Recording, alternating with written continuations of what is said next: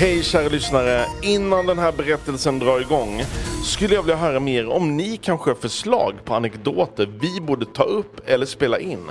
Tipsa gärna oss, gå in på highcoastradio.com. Det här är en berättelse av och med Benka Forsberg. Kan man verkligen flytta en kyrka i nedförsbacke på en kullerstensgata? Lyssna på Benka när han berättar om sitt minne när de gjorde precis just det på Lasarettsgatan 1970.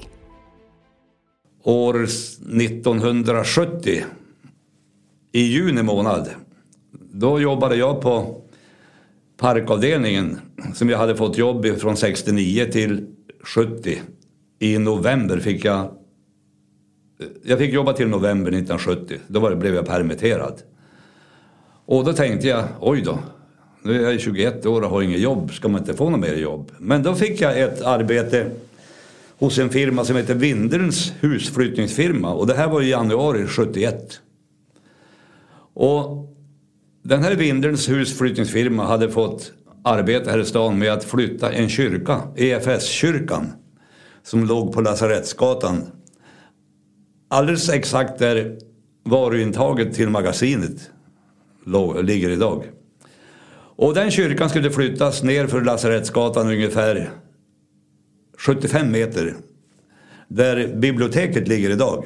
Precis där skulle kyrkan stå. Och det var ett riskfyllt jobb. Den här chefen som ägde den här firman, han var så fruktansvärt nervös hur det här skulle gå.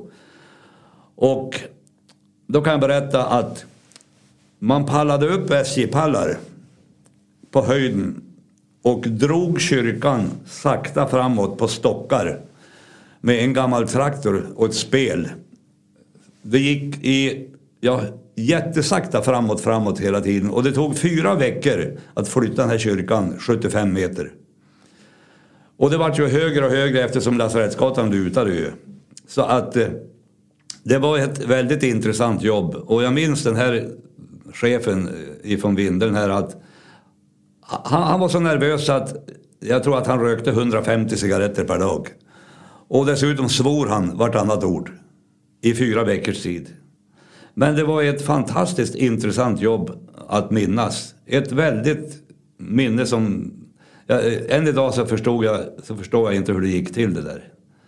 Men eh, trevligt var det.